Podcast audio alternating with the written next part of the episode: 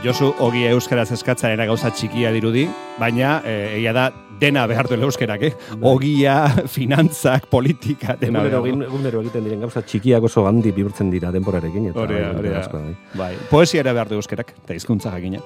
bai. Eta euskal literaturari asko eman dio gaurko aukeratu duzuen autoreak, ez da? Bai, bueno, badaira idazle batzuk, ez da, asko idatzi eta beti oso ondo egiten dutenak eta horietako bat da Juan Cruz igera bide. Uh -huh. Juan Cruz igera bide, baina egile pagroagorik nekez aurkituko dugu euskal literaturan. Uh Bueno, batez ere aurretak gazte literaturan da ezaguna, negadunako idazle hau, eta hortxe du ba, bere lanik e, kusgarrien, ez? Emate leberri, eta batez ere, mm, ahozko literaturan, ahozko literaturaren iturritik edaten duen e, poesia, poesia edarre edarra. Eta ezaugarri bat aipatuko dizut, bueno. Bai. Haren umentzako poesian, e, sarritan nabaritzen da, aiku japoniarren eragina. Mhm. Bai, aiku japoniarretan beti dago naturari buruzko, naturaren irudi bat, irudi txiki bat, bertso lerro lagurrak eta oso oso olerki txikiak dira. Adibidez, lo dago ilargia, horma ondoko putzuan, bide luzea gindu, zeruan. Ah, zepolita. Bueno, baina ikera bidek eh, badu helduentzako hainbat lan ere, prosan, eta poesia hainbat novela idatzi ditu, mhm. eta poesia liburuak ere badauzka. Eta gaur, e, 2002an, e, Alberdania argitaletxeak kaleratu zuen, Mailu Isila poema liburuko larkeak ekarriko ditut. Mm bai? Bueno, aurrentzako literaturako idazle goxoaren inferentzuan, beste igerabide bat dugu hemen, goxoa bai, baina, bueno, mingotza ere bai, mikatza, mm. eh, izan daitekeena. Eta liburu honetan hainbat euskal idazleen aipamenak egiten ditu. Lizardirena batez ere, baina baita Mirande, eta Arestire. Ah. Eta Manu, hemen Arestire pixka bat egurraren ematen dio, eh? Ah, Haren aitaren etxea poema ezagunari, famatuari, buelta ematen dio gira bidek, bueno, nahi duenak, gaur ez dut irakurriko hori, baina nahi duenak liburu honetan dauka, nola egiten duen. Eta izenburuak berak ere, ba, mailu isilak, ba, Arestiren bertso lerro famatu dakarki gogora, ezta? Poesia, mailu bat da. Hau dio ikera bidek mailu isil bat behar dut, gauez, inor ohartu gabe mundua desegiteko. Bueno, baina referentzia literario ez gain bada liburu honetan e, poetaren e, barne elkarrezketa bat ere, ez da? Gatazka politikoaz, e, maitasunaz, bai. adizkidetasunaz, bakarradeaz, bueno, poetek erabiltzen dituzten e, gaiak, ez da? Eta ondo badiritza no? Ba, iru poema irakurriko ditut orain. E, mailu isila liburutik hartutakoak, ez da? Alberdania, 2000 eta bigarren urtean argitaratua, Juan Cruz igera bide. Bai. Lehen bueno, bizikoak, eramango gaitu udaberrira?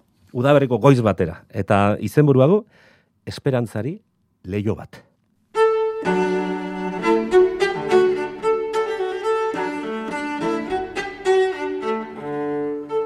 Otaloreak itxaropenaren usaina edatu du udaberri goizean esperantzari leio bat zabaldu diot egun sentian, hau aizearen pilpira.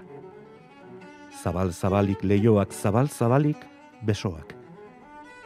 Erle bat sartu da aurrena, gero beste bat. Beste bat, mila erle eroz bete zaitetxea.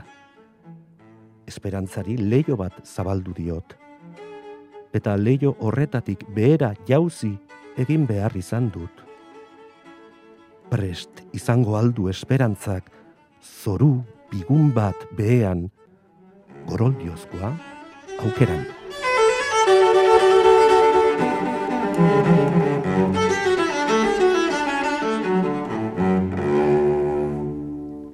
Gizakia, bueno, greziarrak eta gizakia poesia idazten hasi zenetik beti egon dira presente hainbat gai maitasuna adibidez, baina bai. eriotza ere bai, ez da beti dago presente eriotza, ez da. Beti beti poema liburu guztietan espadare gehien gehienetan agertuko dan e, gai bata eta eriotzarekin batera, eriotzari buruz ari garnean, bala beharrez ari gara, bizitzari buruz ere. Bueno, e, poema honetan mailu isila, isila izeneko liburuan, igera bidek badu izenburu luze eta grafikoa duen poema eder bat. Hau dio, entzun, eh, izenburuak lagun bat hil zitzaigun joan den astean, etxean izan ditugu, haren emaztea eta alaba. Honek dena azaltzen du, ezta? Ze, bueno, jartzen gaitu, ja, poemaren atari baten, ezta? Bueno, gero lagunaren eriotzak eragindako hausnarketa egiten du poetak, eta beira, batzutan komeni da hitz guztiak ondo e, ulertzea, eta Mm. bada e, poema bat, e, olerki, e, hitz, hitz bat parkatu, Hitz olerki honetan, Mhm.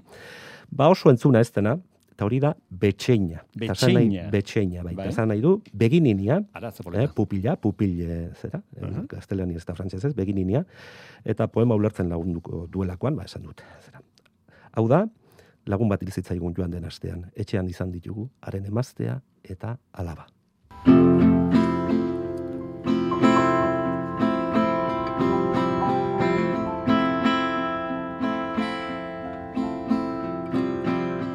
Badoa trena, aranaren beste aldean.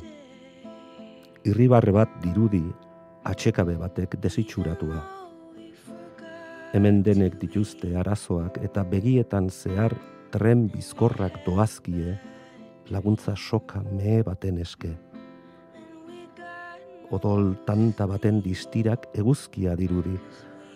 Bizirik sentitzen naiz eta zainetan tren baten astinduak nabaritzen ditut. Ene begietan egun sentiak mailuka zabaltzen dira. Betxeinak eta betxeinen ateak duela milioika urte aurra izateari utzi nionetik itxiak kirrinka bizian ari dira zabaltzen.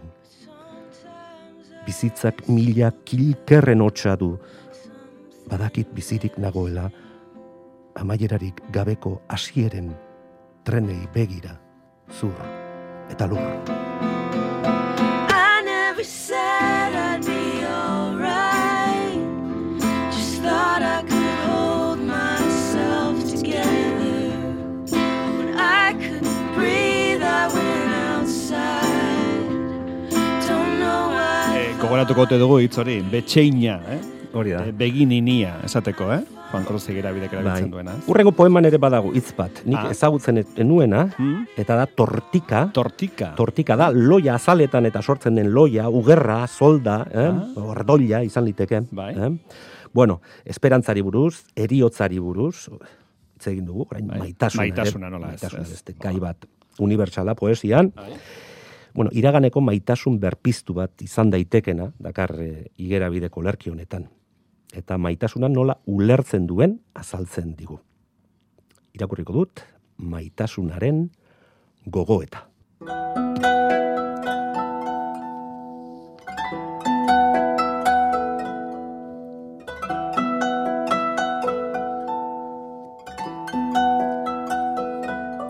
Ezur muinetik maitatu, ez bazterretik ez alako trebeziaz, non maitasuna joan eta trebezia utxa geratzen den. Ezti edo ospinetik onasiagoko amodioa, aingeruetatik eta deabroetatik onasiagokoa.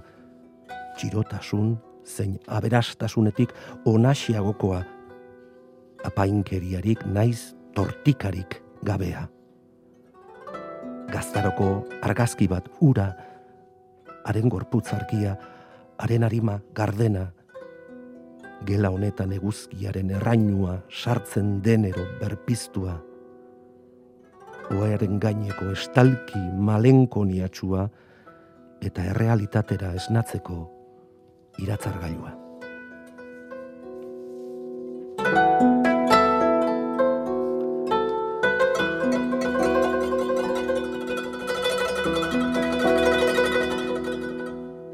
Juan Cruz bide, bueno, e, idazle benetan oparoa, lan oso polita dauzkana, eta gaur mailu isila laneko olerkiak ekarri ditu Josu.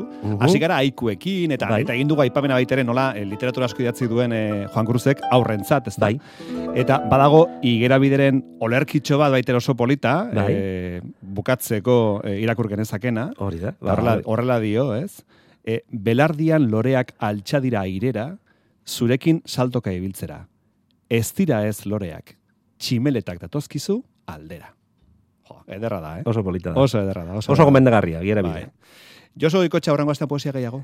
Hori da, datorren astera. Aste onona izan, aio. Berdin. Agor, Josu.